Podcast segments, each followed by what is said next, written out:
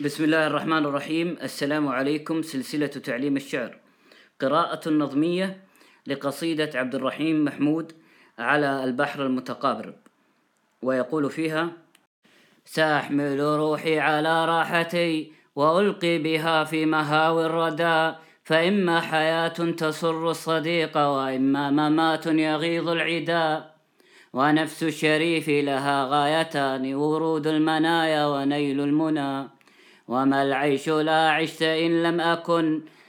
مخوف الجناب حرام الحمى إذا قلت أصغى لي العالمون ودوى مقالي بين الورى.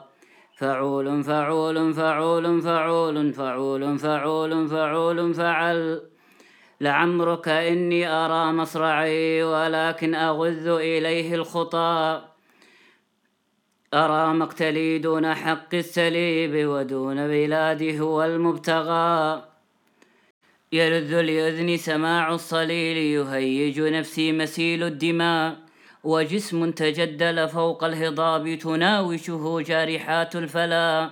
فمنه نصيب لأسد السماء ومنه نصيب لأسد الشرى. كسى دمه الأرض بالأرجوان وأثقل بالعطر ريح الصبا. وعفر منه بهي الجبين ولكن عفارا يزيد البهاء. وبان على شفتيه ابتسام معانيه هزء بهذه الدنا.